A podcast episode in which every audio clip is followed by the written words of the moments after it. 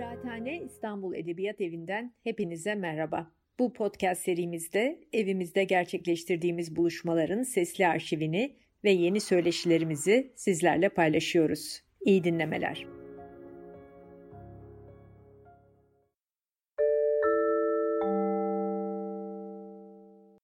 Herkese merhaba. Ee, bu akşam Kıraathane İstanbul Edebiyat Evi'nin YouTube kanalındayız. Ee, Argonautlar Güncel Sanat Yayını ile ortak düzenlediğimiz e, program serimizin ikincisi bu. İlkini Furkan Öztekin'le gerçekleştirmiştik. Bu sefer Oktay Orhun'la birlikteyiz. Hoş geldin Oktay. Hoş bulduk.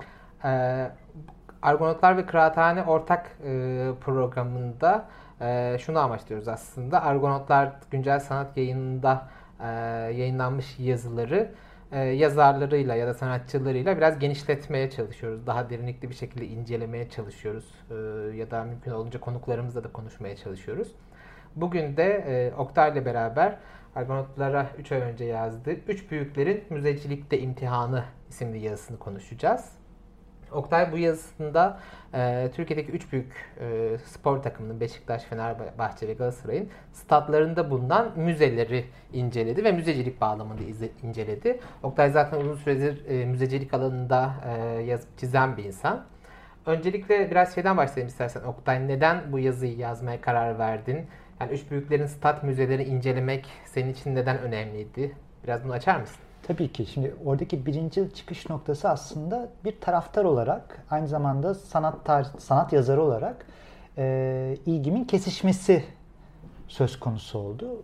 Beşiktaş'ın müzesini ilk gezdiğimde ve o müzenin açılışından önceki heyecanı hatırladığımda e, kısmen hayal kırıklığına uğradım. Sonra yine bir taraftar olarak Fenerbahçe ve Galatasaray müzelerini görme şansım oldu ve sonra fark ettim ki Beşiktaş'ınki aslında iyiymiş. Ama toplamda baktığımızda üç büyük kulübün iddialarının aksine çok daha alt düzeyde bir müzecilik perspektifiyle hareket ettiklerini gördüm. Bu beni hayal kırıklığına uğrattı. Bunun karşısında sonradan devam sonradan eğiliriz. İşte Barcelona'nın müzesini hatırladığımda, düşündüğümde bunların hepsinin yarattığı çatışma böyle bir yazıya ihtiyaç olduğu kanaatini bende doğurdu. Ve konuya bir kez eğilmeye başladığımızda da aslında çok daha fazla meselenin gündeme gelebileceğini fark ettim. Aslında yani yapılan haberler, açılışlarda yapılan haberler ve bir iki röportaj dışında çok fazla işlenen bir konu değil galiba. Özellikle sanat alanında veya sanat yayınlarında işlenen bu bir konu değil galiba değil mi bu stat müzeleri veya evet, spor müzeleri? Spor müzeleri de statları içkin olan müzelerde, spor koleksiyonları da keza sanat ortamında çok fazla gündeme gelmiyor. Çünkü mecralar birbirlerinden çok koparılmış gözüküyorlar. Aslında belli bir noktada baktığında hem taraftar olan hem sanat sever olan hem de ikisi arasında gidip gelen çok sayıda insan var. Fakat bunların birbiriyle temas noktaları sanki yokmuş gibi davranıyoruz. Örneğin gazetelerde geleneksel anlamda kültür sanat bir pakette ele alınıyor. Spor diğer bir pakette ele alınıyor. Halbuki bunların kesişme noktalarına baktığımızda çok fazla bir derinlik var. Bunun bir benzeri şeyde var. Ee, sinema ve spor arasındaki ilişki de var. Örneğin spor temalı film her zaman gündeme geliyorlar ve bir karşılık buluyorlar ama güncel sanat pratikleri içinde olsun, müzecilik pratikleri içerisinde olsun spor dediğin üzere çok fazla karşılık bulmuyor. Yakın zamanda Maradona belgeseli çıktı sanırım. Evet, doğru. O da bayağı iyi göstermişti. Aslında editoryal olarak sorduğumda yani bir yayın editörü olarak sorduğumda bir gazetede olsam ben de şey sorusu sorayım ilk başta. Bu haberi biz e, spor sayfasına mı koyacağız yoksa kültür sanat sayfasına mı koyacağız? Hangi sayfa aslında hak ediyor bu haberi konusu mesela şu an biraz ortada e, bir durum. Sanırım o biraz yazının içeriğiyle ilgili olacaktır. Hani sanat bağlamında incelenirse bir sayfaya alınabilir. Daha spor bağlamı ile ilgilenirse belki başka sayfaya alınabilir. Orada şeyi hatırlamakta fayda var. Yani zamanında galiba radikal, radikaldeydi. Tanıl Bora'nın yazdığı spor yazıları vardı. Ee, onların konumu mu spor sayfasına mı koymak gerekirdi? Kültür sanata mı koymak gerekirdi? Politikaya mı koymak gerekirdi? Evet. Belki bu geçişkenlikleri hep hatırlamak ve bu keskin ayrımların olmadığını, örneğin bir spor sayfasında sadece saha içiyle ilgili konuşmanın aslında mümkün olmayacağını, saha dışı bir sürü faktörün de orada konuşulabileceğini ya da statla ilgili, müzeyle ilgili bir şey konuşulduğunda da sadece müzeyle ilgili bir şey konuşmak gerekmediğini, bazen de sporun kendisini orada hatırlamak gerektiğini unutmamak gerekiyor. Evet. Şimdi biraz geriye gidelim o zaman hemen böyle bir açtık konuyu. Ee, yani sporun ve özellikle futbolun tarihinde e, spor ve stat müzeleri nereye duruyor? Mesela ilk örnekler olarak neleri sıralayabiliriz? Dünyada neler var bu konuda? Mesela e, 1900'lerin başında Helsinki olimpiyatları vesilesiyle yapılan e, stadın içerisine ilk müze konuluyor. Bunun e, öncesinde kimi küçük örnekler olmakla beraber ilk büyük örnek olarak bunu sayabiliriz. Daha sonra Avrupa kulüplerinin e, hem futbol bağlamında konuştuğumuzda hem de diğer branşlar bağlamında konuştuğumuzda kendi statlarına ya da bağımsız birimlerine müzeler açtıklarını görüyoruz. Bizde durum çok daha geç bir şekilde gerçekleşiyor. Tescillenmiş ilk müze Beşiktaş'ın eski stadının içinde olan müze. E, Kültür Bakanlığı tarafından da tescillenmiş durumda. Ne var ki o müzeyi gören dürüst olmak gerekirse pek insan yok. Sonra stadın yenilenmesi sırasında Vodafone Park adıyla stadın yenilenmesi sırasında e, eski stadın kalıntılarının korunması yani oradaki duvar hattının korunması ve onun arkasında bir müzenin inşa edilmesi gündeme geldiğinde bu üç büyük kulübü harekete geçiren ve bir şekilde biz müzeye kavuşmalıyız dedirten şey oldu. Ee, aslında Fenerbahçe'nin böyle bir şeyi vardı. Özellikle kendi tesislerinde belli bir sergileme pratiği vardı. Hatta bunu stadın içinde de belli bir noktaya kadar taşımışlardı ama birazcık da bir endüstriyel futbolun gelişmesine bağlı olarak bunların hepsi birbiriyle bağlandı. Stat turu artı müzecilik faaliyeti üzerinden bir anlatı geliştirilmeye çalışıldı ve buradan da çok daha yeni aslında galiba yazılan en büyük tepki buradan gelmişti. Fenerbahçe Müzesi o yıl açılmadı diye böyle kızan taraftarlar vardı. Evet, evet. Orada şimdi orada çok güzel şeyler oldu. Birincisi örneğin Instagram postumuzun altına evet. şey geldi. Argonotların en hararetli tartışmasında oldu Instagram postu. e, yalnız Galatasaray önce yazılır. Evet. o da var tabii. Tepki geldi. E, Twitter'da dediğin gibi Fenerbahçe'nin müzesinin kendisinin aslında çok daha önce açıldığına ilişkin ifade vardı.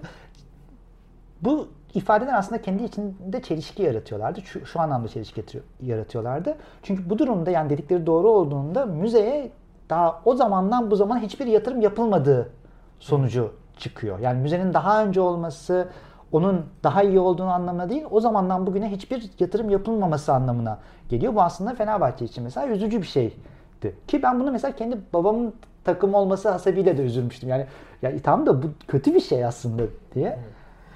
Ee, şimdi biraz da işin aslında kavramsal ya da politik boyutuna biraz girmek istiyorum. Şimdi aslında spor yapmak, e, işte jimnastik yapmak, sağlıklı bir vücuda sahip olmakla müze kurmak e, modernleşme bağlamında ulus devletlerin aslında hep önlerine koyduğu meseleler. Evet. E, Türkiye tarihi açısından da öyle yani hani müzecilik tarihine baktığımızda da. Yani bunlar modernleşen ulus devletlerin yapması gereken ilk 10 listesinden biri hatta yani. Peki müze anlatısıyla e, spor anlatısını bu açıdan nasıl birleştirebiliriz Türkiye tarihine baktığımızda? Şimdi bu çok güzel bir soru. E, aklıma şey geliyor. Jules Payot'un İrade Terbiyesi isimli kitabı geliyor. Kitabın önemli bir kısmında e, gençlerin kendi bedenlerini spor açısından nasıl terbiye etmeleri gerektiği anlatılıyor. Bu terbiye terbiye tabii ki erkek egemen bir dille inşa ediliyor. Erkek için inşa ediliyor.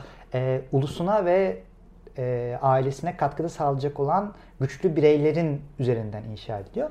Ve bunun tümünü kısmen ulus inşa süresi de dediğin gibi bir şekilde merkeze alma, kalıplaştırma, sistematize etme, peşi sıra takip etme arzusu var. Burada bedenin terbiyesiyle ki bu terbiyeyi nasıl kullanmak lazım? Bu terbiyeyi herhalde kişinin kendini mutlaklaştırması, her şeye kadir görmesi, iradesinin tarih yapıcı olduğuna inanması olarak görmek lazım.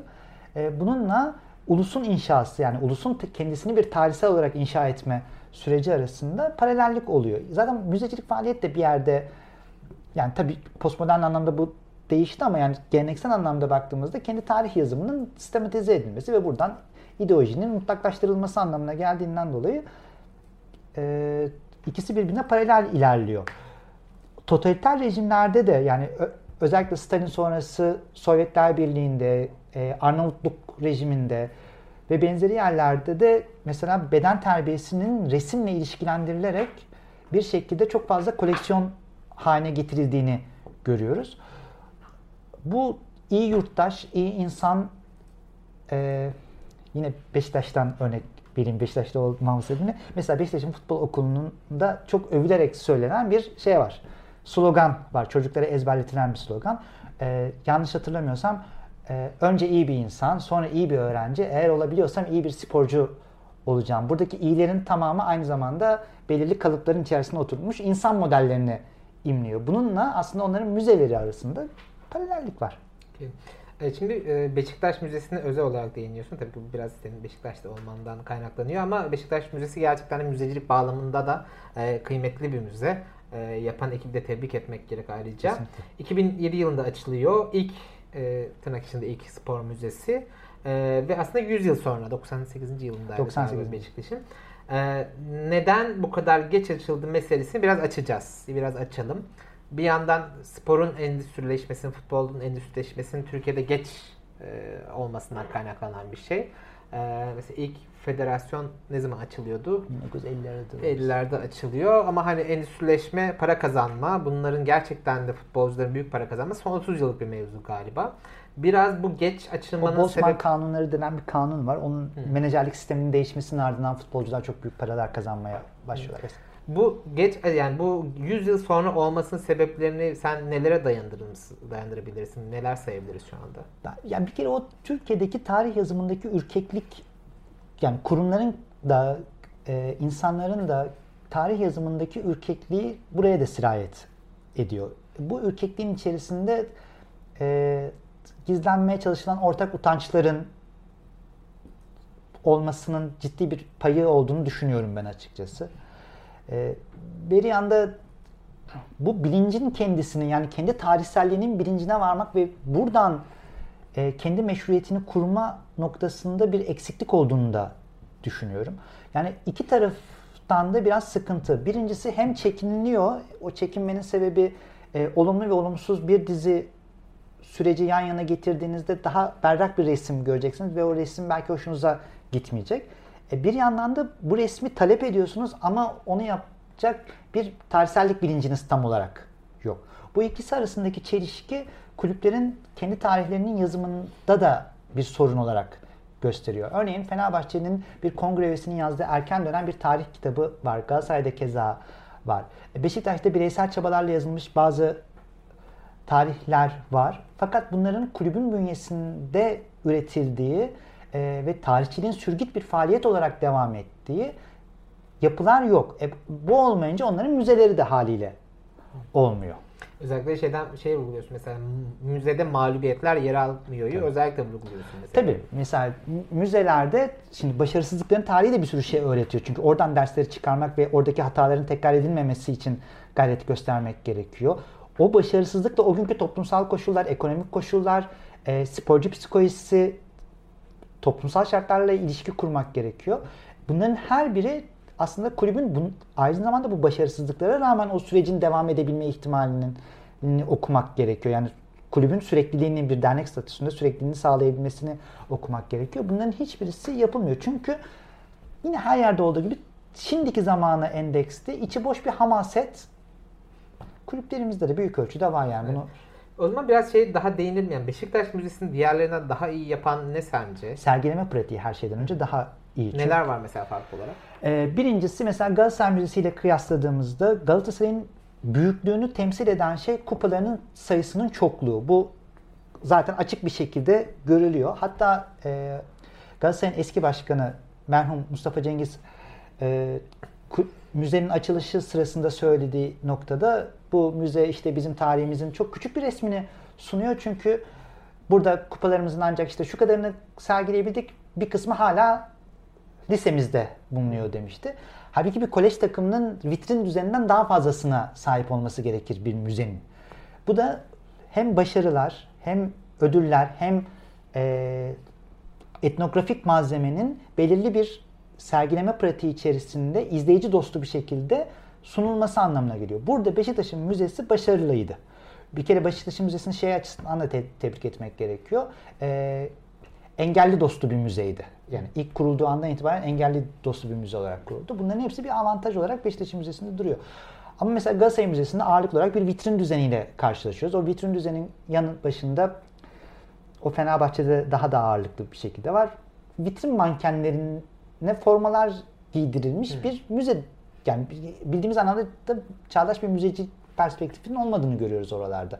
Bir kere tek fark temelde bu. Yani en Hı. önemli fark ya da. Ee, şimdi biraz da hani bu e, izleyiciden derden bahsettin. Hani engelli dost olmasından bahsettin. İngiliz e, izleyici dostu olmasına biraz girelim. Mesela Barcelona Müzesi'ne özellikle e, yer ayırıyordun. E, ülkenin en çok gezilen ikinci müzesi. Şehrin en çok gezilen ha, ikinci, en çok gezilen, en çok gezilen ikinci, ikinci müzesi. Ve e, biraz anlatır mısın mesela Barcelona Müzesi'nde neler var? Barcelona Müzesi'nde kulübün başarılarının tarihi olduğu kadar aynı zamanda şehrin ve Katalan sanatçıların kendi koleksiyonuna ait pavyonlar da var. Orada Miro'nun eserlerinin bir kısmını da görmek Hı. mümkün oluyor. Ee, şehrin şehirle kulüp arasındaki ilişkinin kurulduğu mekanlar var ve bunları takip etmek mümkün oluyor. Temelde bizim müzelerimizden ayrılan en önemli iki faktör de bu. Kulübün toplumsallığının ifadesi de o müzede karşılık buluyor. Bizim müzelerimizde ise saha içine odaklanan, Hı. bu saha her zaman futbol, iddianın aksine her zaman erkek, sahanın içine odaklanan ve sadece oradaki başarıyı imlemeye çalışan ve bu imlediği başarıları da bakın o dönemin forması bu, bakın o dönemin topu bu, bakın o dönemin kadrosu bu diyen ki o kadroyu da her zaman dile getiremeyen e, bir yapı var. Yani aslında taraftarlar yok bu müzelerde. Taraftarlar yok. Çok küçük bir yer ayrılıyor. Taraftarların hediye ettiği atkılar. Deniyor. Bir şey deniyor. O şekilde bir geçiş Hı. oluyor. Örneğin Ali İsmail Korkmaz'ı Fenerbahçe'nin müzesinde görmek, taraftarın onunla kurduğu bağı yakalamak mümkün değil. Ya da çarşı grubunu görmek. Ya da örneğin Beşiktaş'ta e, Gezi döneminde hatta Gezi'den önce başlamıştı. O yanlış hatırlamıyorsam e, Gençler Birliği maçıyla başlamıştı. E, sık bakalım sık bakalım sloganı da ilk orada çıkmıştı. Statla taraftar arasındaki ilişki de ilk orada açığa çıkmıştı. Buna benzer dinamiklerin kendilerini orada görmek mümkün değil. Orada bir hep e, nasıl diyeyim bir şekilde onu sistem içine entegre etmeye çalışan bir yapı var. Halbuki bunu yapmak zorunda değiller. Bu kadar ürkek olmak zorunda değiller. De burada yani hem e, çok ilgili olduğundan değil, çok da bildiğim bir konu değil açıkçası spor e, kulüplerinin şeyleri, e, politikaları ama e, yani sanırım e, yönetim değişiklikleri de burada etki ediyor. Yani yönetim değiştikçe de e, müzeye yüklenen anlam, müzeden beklentiler de değişiyor galiba. Ve ya da müzenin içeriği de değişebiliyor. Kesinlikle haklısın. Yani mesela yine Beşiktaş Müzesi'nden örnek vereyim. Beşiktaş Müzesi'nin içerisinde Süleyman Seba'nın bir odası canlandırılmıştı. Bu çok güzel bir canlandırmaydı. Bir ses enstalasyonuyla beraber temsil ediliyordu. Yönetim değiştikten sonra bu eski yönetimi aklamak ya da yüceltmek amacıyla söylemiyorum. Yanlış anlaşılsın istemem. E, yönetim değiştirdikten sonra içeriye Süleyman Seba'nın bir bal mumu heykeli kondu. Ve o kadar kötü bir yani zaten bir bal yani bir nesnenin kendisini kendisiyle temsil etmek kadar kötü bir fikir herhalde olamaz da yani bu bunun yanında bir de kötü bir bal mumu heykeli kondu. Ki bunu aslında iyi bir şey yapmak için yaptılar. Bunu iyi bir şey yapmak için yaptılar. Yine benzer bir şekilde Beşiktaş'taki stadın önüne bir tane kartal heykeli yerleştirildi. Ee, şimdi bu bunu gülmeden anlatmam biraz zor. Ee, şu açıdan zor. Ee, bir maket yerleştirildi. Yani bir kötü maket yerleştirildi. Bu makete dair eleştiri bir basın bülteninde Beşiktaş Başkanı'na sorulduğunda kendisi e, onu yapan benim babam e, daha iyisini yapabiliyorsanız getirin yanına koyalım. O da hobi olarak yapmış. O da hobi olarak 85 yaşında bir adam hobi olarak bunu yapmış. Yani şimdi o maketin ne çarşının kendi içindeki diğer heykellerle üslup bütünlüğü var. Hadi olması gerekmez diyelim. Ee, örneğin Atlanta'nın stadının girişinde bir Macar sanatçıyla çalış yani zaten sanatçılarla çalışma diye bir şey genelde yok. Mesela Fenerbahçe taraftarların Alex'in heykelini yaptırmasında da gerçek anlamda bir estetik tavır yok. Bunların hepsinde bir problem var. O problemin kendisi de şu başa dönüyormuş gibi olacağım ama hamasetin tekrar tekrar kendini takip etmesi ve bunu yapmak zorunda olmadığı halde yapması. Aslında kendi büyüklüklerini buradan inşa etmek zorunda değil kulüplerimiz. Kendi büyüklüklerini başka yerlerden inşa edebilirler. Evet. Ee, şimdi turistik meselesine biraz daha geri dönelim. Her ne kadar hani bazen teoride bu hani sanatın turistik amaçlarla kullanılması karşı çıksak da böyle bir gerçeklik var. Ee, ve Barcelona'da örneğinde gördüğümüz gibi çok da ziyaretçi alıyor. Hatta hani tırnak içinde para da kazanabiliyor bunlar. Ee, ama galiba Beşiktaş dışında lokasyonel problemleri var e, Tabii. bu stat müzelerinin. Sen diyorsun ki neden statların içini açıyorsunuz ki? Belki daha iyi lokasyonlarda daha iyi müzeler kurulabilir ve bu ilgi de çeker, para da kazanılabilir ve storelarla aslında çok iyi kendini döndürebilen müzelerde olabilir. Tabii. E, müzenin sürekliliğini sağlam. Ya birincisi destinasyon problemi çok ciddi bir problem. Oradaki problemin kendisi Beşiktaş'ın müzesi şanslı. Çünkü hali hazırda turistik bir destinasyonda bulunuyor. Dolmabahçe Sarayı ile organik bir ilişki içerisinde ve orada e, rahatlıkla bir hareket aksına oturuyor. Ama ne Fenerbahçe'nin stadı ne Galatasaray'ın stadı. Fenerbahçe kısmen daha şanslı. Yani Galatasaray'a göre çünkü kimsenin Seyran Tepe'ye durduk yere gitme hali yok. Fenerbahçe'nin stadında ise stat bir konu stoğuyla çevrilmiş durumda. Bu sebepten dolayı maç günleri dışında oraya doğru hareket etmenin anlamlı bir gerekçesi yok. Örneğin Fenerbahçe Bağdat Caddesi üzerinde bir stat müzesi kursa yani bir kulüp müzesi kursa bunun kendisi çok daha büyük bir avantaj sağlar. Galatasaray keza Galatasaray meydanıyla bir müze ilişkisine girse burada aynı zamanda e, sanat tarihimizin eski Galatasaray sergilerini canlandıracak şekilde belki geçici resim sergileri yapsa bu her zaman müzenin kendi sürekliliğini de sağlayabilecek bir imkan doğurur. Ki bir dönem denediler galiba Galatasaray Lisesi'nin karşısındaki o bina Galatasaray Vakfı'na ya da derneğine ait. Ee, ama çok da işlemedi galiba sonra store'a döndü. Onun sebebi işlememesinin sebebi tamamen yine vizyon meselesiydi. Oradaki e, sergileme pratiğini güncel sanat pratikleriyle bir araya getirecek bir formasyon bulunması gerekiyordu.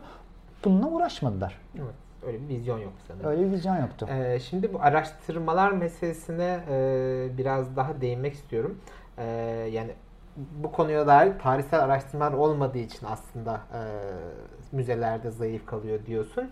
E, dolayısıyla hani şunu soracağım. Hani ne gibi araştırmalar yapılır hmm. e, spor tarihlerine dair, spor tarihlerine dair.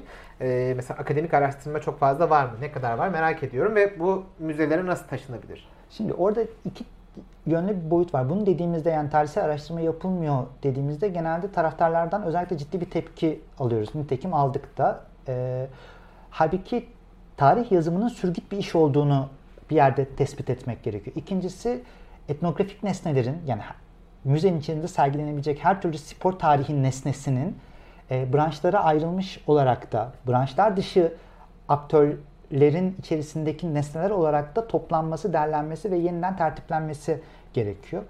Bunun yanında şunu unutmamak lazım. Bir yöneticinin tarihi, bir çalışanın tarihi, bir sporcunun tarihi, bir sporcunun spor hayatının bittikten sonraki tarihi, kulübün toplumsallığının tarihi her seferinde yeniden yeniden keşfedilecek bir tarih yazım pratiğine tekabül ediyor ve bu kulüplerin belirli araştırma sergi, yani kalıcı sergilerin yanında araştırma sergileriyle düzenli olarak gösterecekleri bir şey anlamına geliyor.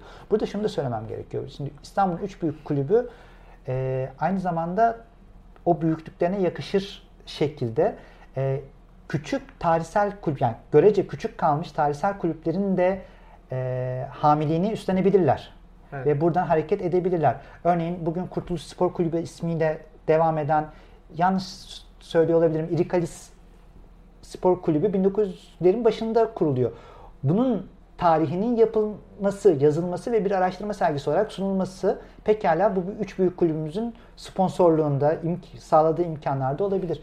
Yine Anadolu Hisarı İtman Yurdu mesela 1910'larda kurulmuştu. Onun tarihi sergilenebilir. Bazı küçük nüanslar da var orada. Mesela futbolun dışına çıkıldığında da bir dizi problematik var. Orada şeyi söylemek lazım. Mesela Fener onu unuttum. Onu burayla bağlayarak söylemek evet. istiyorum. Örneğin Fenerbahçe e, basketbol sahasını e, merkezi bir lokasyona koydu. Ataköy'ün ortasına koydu ve oradaki toplumsal dokuyla uyum sağlayacak şekilde çok ciddi bir taraftar grubuna hmm. kavuştu basketbol bağlamında. Bu mesela Anadolu Efes için de geçerli. Şimdi demek ki yapılabiliyormuş. Demek ki yapılabiliyor. Demek ki aslında şunu da gösteriyor izleyici kitlesi değişiyor. Toplumsallık değiştiği gibi izleyici kitlesi, futbolun izleyici kitlesi daralıyor. Elbette ki ana akslardan bir tanesi bu izleyici kitlesinin korunması. Ama bunun yanında yeni spor dallarının da taraftarların oluşturulması gerekiyor. Müzeler bunların kaldırıcı olarak da kullanılabilir. Yani bir amaç için gelen izleyiciyi başka bir amaca doğru yönlendirmenin imkanı da olabilir. Aynı zamanda başka kulüplerin dediğim gibi toplanması, yeniden yüceltilmesi ve o tarih yazımının bir parçası olarak kabul edilmesi olarak da olabilir. Çünkü rakiplerle oynanan bir oyun olduğu için spor en nihayetinde sizin rakipleriniz tarih sahnesinden kalkmış olsalar bile aslında bir anlam ifade ederler. Evet. Burada şunu da söylemem Tabii. lazım. Mesela Fenerbahçe Stad'ın eski ismi şimdi o sponsorluk anlaşmaları sebebiyle değişti. Şükrü Saraçoğlu'ydu. Kendi tarihinde Lefter gibi bir isme sahip olan bir kulübün Şükrü Saraçoğlu isminde bir stada sahip olması arasında çelişki var. Kulüpler bir tercih yapmak durumundalar. Toplumsal tarihin bir parçası mı olacaklar? Yoksa iktidarın söyleminin ve onun resmi ideolojisinin bir parçası mı olacaklar? Ya buna ne cevap vereceklerini biraz tahmin edebiliyoruz. Ama belki yan yollar açılabilir diye. Ben de öyle umut ediyorum. Ben de öyle umut ediyorum. Ya mesela küçük kulüplerden bahsetmiştin. Aslında Ermeni ve spor, Rum sporcuların olduğu çok fazla küçük takım var. Yani Taksim ve dair takımlar var, Kurtuluş'ta takımlar var. Onlara dair de mesela hani birkaç e, işte Ağustos'taki yazılar veya işte iletişimden çıkan birkaç belki makale, kitap dışında çok fazla hani bilgi de bulamıyoruz. Geçelim sergiyi, bilgi de bulamıyoruz. Tabii, Çoğu tabii. da kayboluyor. Mesela federasyon hazırladığı yıllıklar içerisinde e, erken dönemde İngilizlerin kurduğu, başka grupların kurduğu kulüpler de var. Yani Türkiye'deki misyon faaliyetleri içerisinde kurulmuş olan kulüpler var. En nihayetinde bu sporcuların da tarihi var. Yani sadece bizim yerel e, Ermeni, Rum ve ekaliyetten diğer unsurların e, takımları değil, aynı zamanda burada yaşayan, belli bir dönem burada bulunan ve buradan giden insanların da kulüpleri var. Daha ilginç bir şey söyleyeceğim. Yani bana ilginç gelmişti. Şimdi ben hayatım boyunca hiç kriket izlemedim, oynamadım. Bilmiyorum ne olduğuna dair de dürüst olmak gerekirse bir fikrim yok. Ee, Fikirtepe'de şeyin o kurulduğu yerde, pazarın kurulduğu yerde e, Suriye göçmenlerinin pazarın kurulmadığı bir gün kriket oynadıklarını fark ettim. Şu anda. Şu anda. Şimdi burada da bir tarihsellik birikmeye başlıyor. Örneğin müzik, müzikoloji alanında bu alanda çok ciddi çalışmalar yapılıyor biliyorum. Ama mesela spor tarihi açısından bunların hem geçmişi hem şimdi olan ilişkileri ve onların kurulması anlamında da bir çalışma yapılmıyor. Çünkü yine aynı yere geliyoruz. Niyet meselesi herhalde. Evet biraz da e, neden olduğunu sorma merakı galiba. Yani Suriyeli mülteciler neden orada kriket oynuyorlar, neden kriket oynuyorlar sormak gerekiyor galiba.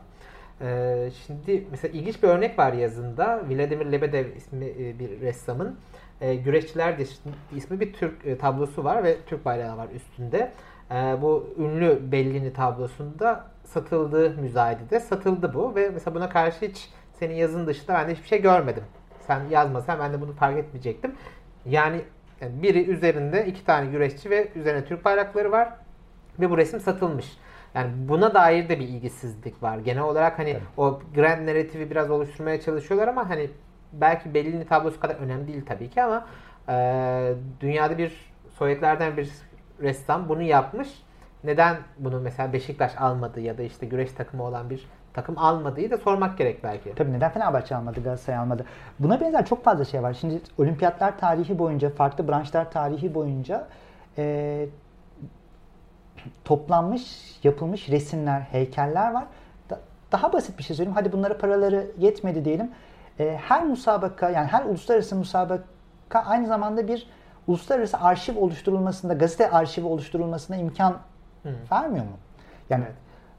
bizim yabancı tırnak içinde söylüyorum takımlarla yaptığımız maçların da o gazetelerde çıkan matbuatın ürünleri nerede? Mesela bunlar da toplanmıyor. Yani bırak herhangi bir resmin müzayede içerisinde toplanması, arşivlenmesi, bu arşivlenmenin halka arz edilmesi en basit araştırma materyalleri bile düzenli olarak toplanmıyor. Ya bir medya takip sistemi bile çalışmıyor.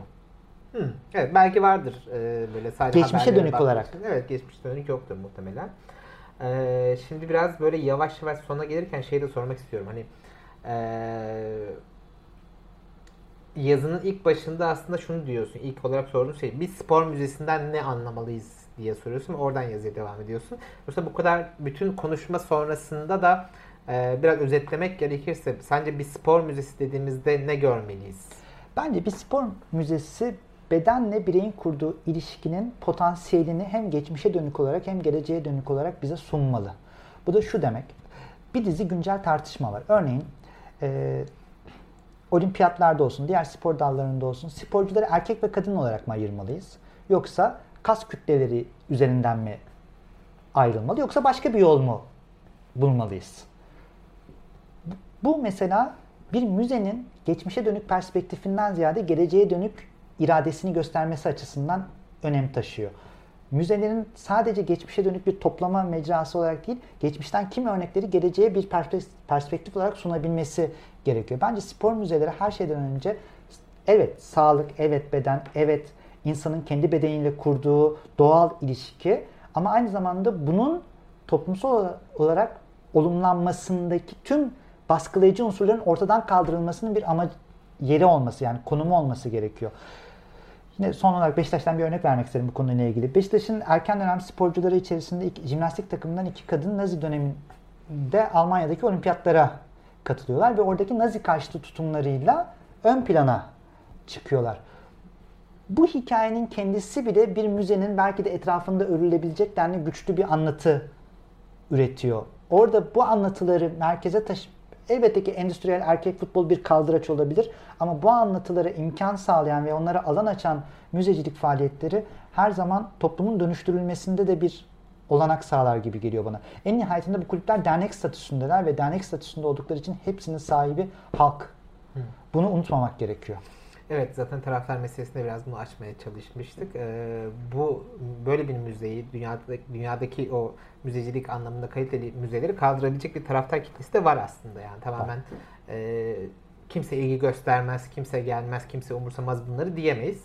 E, tam tersi dolup taşacak müze olabilir buralar. Kesinlikle olabilir. Yani bir de toplumsallığın değiştirilmesinde oynanacak rolün kendisi sonuçta o anlamda Palyot haklı yani iradi bir karardır. O iradi kararı halkın kulübe yaptığı baskı kulübün tabana doğru uygulamasıyla gerçekleştiririz. Burada yani dürüst olmak gerekirse müzecilik faaliyetiydi. Diğer tüm branşlar bunun dışında değil. Tamamen buraya ne kadar basınç yapabildiğimizle ilgili. Bu basıncın kendisini örneğin e, ırkçılık karşıtı eylemlerde e, siyah oyuncuların tek dizlerin üzerine çökmesi üzerinden gördük. Çok ciddi bir basınç oluşturdu. Bunun bir evveliyatı var, bir geleceği olacak. E, açık eşcinselliğini ifade eden ve bununla toplumsal olarak kabul alan sporcular oldu. Bunlar bizde de yaşanacak. Şimdi bunların her birine imkan açmanın yollarını aramak. Belki bu kadar yüksek sesle söyleyemezler ama buna imkan açacak kapıları hafifçe aralayabilirler. Sola gelirken de şunu biraz aslında şöyle söylemek istiyorum. Sen e, önümüzdeki hafta e, Resim Heykel Müzesi açılacak. E, bence Resim Heykel Müzesi'nin hikayesi Türkiye'nin o modernleşme sürecinde ve bütün modernleşme sürecinin sorunlarını da çok iyi anlatan müze. Aslında bir yok müze yani. Hiç yani Kesinlikle. açıldığından bu yana açık olduğu süre çok sınırlı. Ve gelecek sene aslında bir katı tekrar açılıyor. Müzede tamamen açılmıyor. Ee, yakın zamanda Ayşe Köksal da e, akademisyen Ayşe Köksal da bununla ilgili bir kitap yazdı. İletişim yayınlarından yayınlandı. Sen de röportaj yaptın Argonotlar için. Yakında yayınlanır bu e, programa yetişir mi emin olamadım ama e, altına muhakkak ekleriz link olarak. E, dolayısıyla hani şimdi biraz böyle müzecilik işte bu spor e, kulüplerinin beceriksiz diyoruz ama e, ülkenin genel olarak müzecilikle probleminin de bir dışa vurumu yani. Hani spor müzesi yok da e, bilmem ne müzesi var mı? Onlar sanki çok mu var gibi bir yere gidiyor sanki benim aklım. Ya bu güzel bir soru. Müzecilik Türkiye'de son dönemde çok gelişti. Orada eğer gelişmemiş ya da yeterli çaba sarf edilmiyor dersek bu konuda çok fazla emek sarf eden insana haksızlık etmiş oluruz. Ee, şey çok güzel ifade ettim bence. Yani yok müze hikayesi Resim Heykel Müzesi için çok güzel bir başlık. Orada aklıma Marco Jen'in işte yok yerler meselesi geliyor. O sosyolojinin içerisinde e, hafıza oluşturmaya imkan vermeyen e, belirli konstruktif yapıların e, toplum, nasıl bir toplumsallık ürettiği üzerine tartışıyor. Şeyin ilginç tarafı bir müzenin yokluğu da bir hafıza üretiyor. Yani onu unutmamak gerekiyor bir müzenin bir türlü gerçekleşemiyor oluşu, müzecilik pratiğinin kendini ifade edemiyor oluşu, oradaki ürkeklik, e, her an mütereddit bir tavır içerisinde ne yapacağını bilememek, belki biraz şarkiyatçılıkla ilgilidir. Hani o işte çok radyo üzerinden yapılan çalışmada, şimdi yazarın ismi aklıma gelmedi ama yani oradan yapılan çalışmada çok güzel vurgulanıyordu. Belki onunla ilgilidir ama temel olarak bunların tümü de bir hafıza üretiyor. Bu hafızanın kendisi aslında bence tek bir işe yarıyor. O iş bence iyi bir iş. Suçluluk duygusunun devam etmesini sağlıyor. O suçluluk duygusu e, yarın öbür gün e, faillerin her tür failin kendisiyle hesaplaşmasında imkanını verecek gibi geliyor bana. Ama bu, bu hesaplaşmaya galiba çok gönlümüz tırnak içinde olmadığı için yanaşmıyoruz galiba bunlara da. Doğru. Doğru ama mecbur da kalabiliriz. Bu da güzel bir şey. Muhtemelen bir noktada Bir noktada mecbur nasıl kalabiliriz. şu ana kadar birçok sorunla muhatap olduğumuzda karşılaştığımız gibi bunda da karşılaşmak zorunda kalacağız. Ee, benim sorularım aslında bu kadar. Ee, senin son olarak eklemek istediklerin var mı?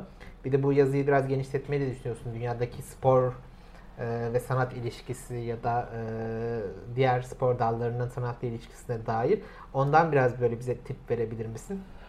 Tabii yani şimdi bu yazıdaki en çok tartışma getirmesini umduğum ve açıkçası hiç karşılık bulmayan yerler sergileme pratikleri açısından çok daha iyi olabilecekken çünkü en kolay çözüm orada aslında. Yani Evet, biraz, biraz para verince ve iyi müzecilik şirketlerimiz de var. var orayla anlaşınca yapılabilecek işler de o getirmedi. Şimdi bunun örneklenmesi herhalde ilk etapta daha önemli olabilir gibi geliyor. Örneğin Barcelona Müzesi burada çok kısa geçiyordu. O yazıda daha kapsamlı bir şekilde ele alacağım. Amerika'da bir dizi spor müzesi var. Bunları kapsamlı bir şekilde ele almaya çalışacağım ve hepsinin önemlisi spor koleksiyonları var. Yani spor temalı resim koleksiyonları var, heykel koleksiyonları var. Bunları biraz ele almaya çalışacağım. Umarım okunur. Çok teşekkürler Oktay e, bu keyifli sohbet için. E, Yazıları da bu YouTube yayının altına ekleyeceğiz zaten. E, Umarız e, yani spor gibi kitlesel bir e, alanla sanat arasında daha çok bağ kurabiliriz. En azından daha bağ kurabilecek yazılar biz şu anda üretebiliyoruz. Ancak ileride daha da bu yazılar ve bu programlar daha da e, büyük şeylere yol açar diye tahmin ediyorum ben. Çok teşekkürler. Ağzına sağlık. Ben teşekkür ederim.